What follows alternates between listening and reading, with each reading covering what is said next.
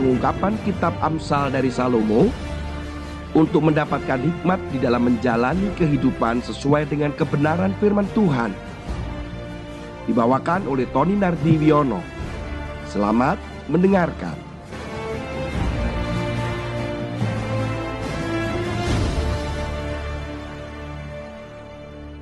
Shalom Bapak Ibu sekalian. Kita saat ini masuk di dalam pembacaan firman Tuhan kita di dalam Amsal pasal 8 ayat yang ke-13. Takut akan Tuhan ialah membenci kejahatan. Aku benci kepada kesombongan, kecongkaan, tingkah laku yang jahat, dan mulut penuh tipu muslihat.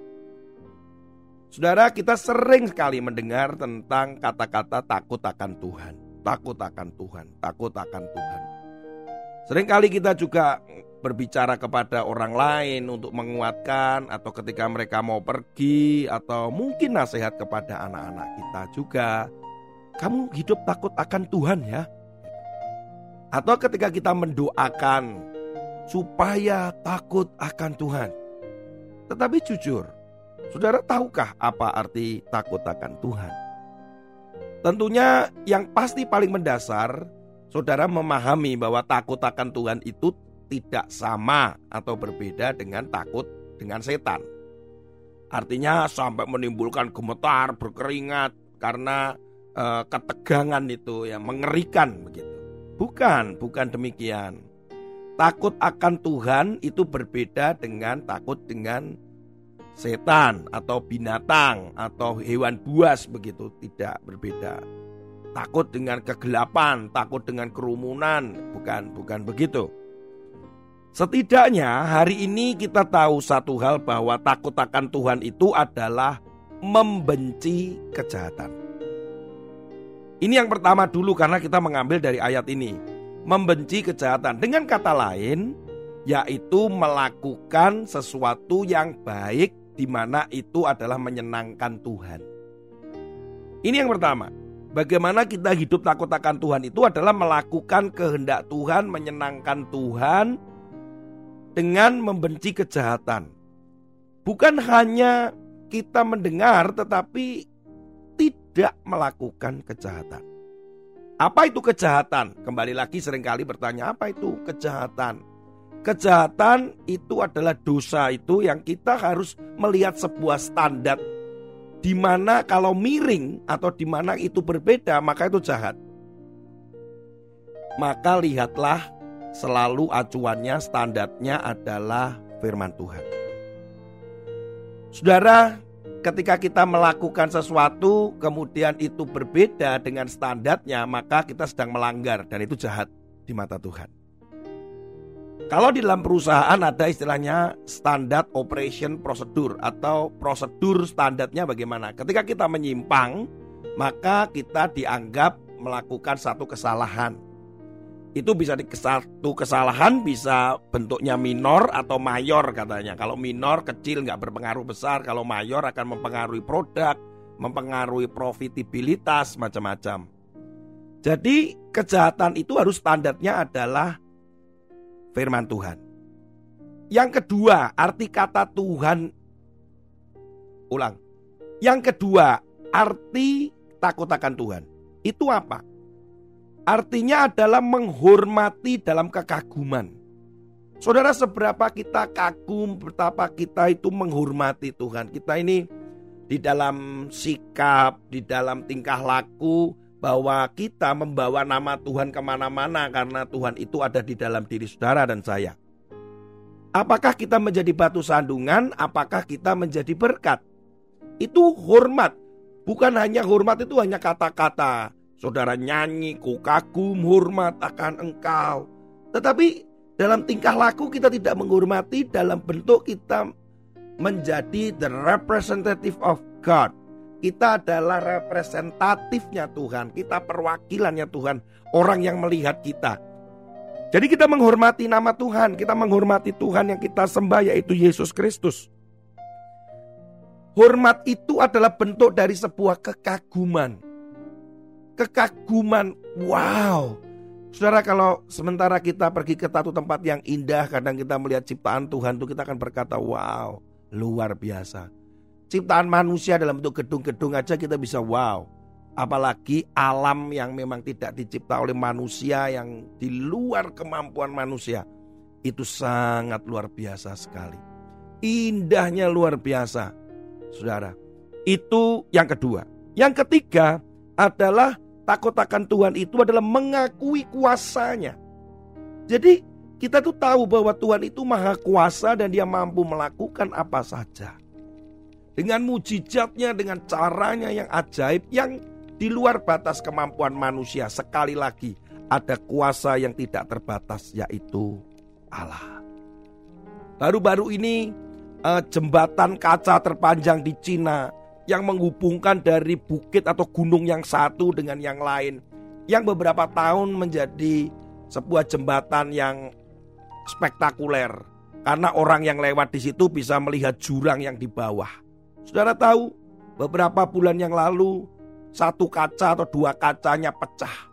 Dan saat itu ada orang yang ada di tengah-tengah jembatan itu. Dengan teknologi seperti apa pun manusia mencoba yang terbaik, terkuat, Pokoknya yang hebat lah gitu ya. Tetapi kenyataan ketika ada angin yang kencang, ketika terjadi goncangan, manusia tetap tidak bisa mengatasi kuasa Tuhan. Sekali lagi akui kuasa Tuhan. Orang sakit bisa sembuh, dokter nggak bisa menerangkan dan menjelaskan itu. Kenapa bisa sembuh? Kemarin ada sebuah kesaksian seorang suami istri. Anaknya enam dan kemudian wah saya bercanda, Pak kok nggak tujuh? Karena kalau tujuh kan sempurna, saya sambil bercanda. Saudara tahu apa yang terjadi? Ternyata dia bilang, lupa sebetulnya anak saya ketujuh. Padahal Pak, eh, rahim daripada istri saya juga sudah diangkat. Tetapi ada benih, bahkan sempat di USG, itu adalah anak kami yang ketujuh. Walaupun akhirnya keguguran saudara, tetapi dia berkata bahwa ini keajaiban. Manusia nggak bisa menjelaskan, dokter pun kaget. Kenapa? Karena di USG ada janin di situ. Padahal sudah nggak mungkin secara dunia kedokteran. Itulah yang namanya kuasa. Orang sakit kanker bisa sembuh, orang yang sakit uh, AIDS bisa sembuh. Semuanya karena kuasa Tuhan. Yang keempat adalah takut akan Tuhan itu mengikuti kehendak Tuhan. Apa yang Tuhan inginkan, apa yang Tuhan mau kita lakukan, kita lakukan itu melakukan kehendak Tuhan. Bukan takut karena hukuman, tapi ingat bahwa kita sudah kagum, kita sudah menghormati, mengakuti kuasanya. Itu kita ketika ada perintah Tuhan lewat firman-Nya, maka kita mengikuti. Kita mengikuti. Ini yang penting saudara melakukan kehendak Tuhan. Nah, tetapi kita sering kali mengikuti kehendak kita sendiri. Apakah benar itu akhirnya kita mengatakan bahwa itu takut akan Tuhan. Yang terakhir, yang kelima, takut akan Tuhan itu bagi saya secara pribadi nih dari pemahaman dalam perjalanan hidup saya bahwa takut akan Tuhan itu ketakutan saya adalah jika rencana Tuhan tidak terjadi dalam hidup saya. Itu itu pendapat personal ya, saya pribadi bahwa saya takut kalau sampai rencana Tuhan itu nggak terjadi dalam hidup saya. Ketika saya tidak mengakukan kehendak Tuhan, saya tidak menyenangkan Tuhan, saya tidak menghormati, saya nggak kagum lagi, saya nggak mengakui kuasanya, pasti rencana Tuhan nggak terjadi dalam hidup saya. Itu yang paling saya takutkan. Tuhan punya rencana dalam hidup saudara dan saya untuk bersama-sama kembali lagi dengan Dia di sorga. Dia punya rencana, dia berkatakan bahwa di mana aku ada, engkau ada di sana. Artinya saya rindu rencana Tuhan sampai pada akhirnya saya, saudara, itu kembali kepada Tuhan di dalam rencananya itu. Yaitu bersama-sama dengan dia. Marilah kita hidup takut akan Tuhan. Hidup yang benar-benar takut akan Tuhan. Menghormati Tuhan di dalam kekagumannya mengakui kuasanya, mengikuti kehendaknya, membenci kejahatan dengan arti selalu menyenangkan hatinya, kemudian supaya kita takut juga jika rencana Tuhan gak terjadi dalam hidup kita. Tuhan Yesus memberkati saudara dan saya percaya bahwa rencana Tuhan juga akan tetap terjadi dalam hidup saudara kalau saudara takut akan Tuhan. Tuhan Yesus memberkati. Haleluya. Tuhan, Amin. ku mau menyenangkanmu. Tuhan, bentuklah hati ini jadi bercanda untuk hormatmu cemerlang bagai emas murni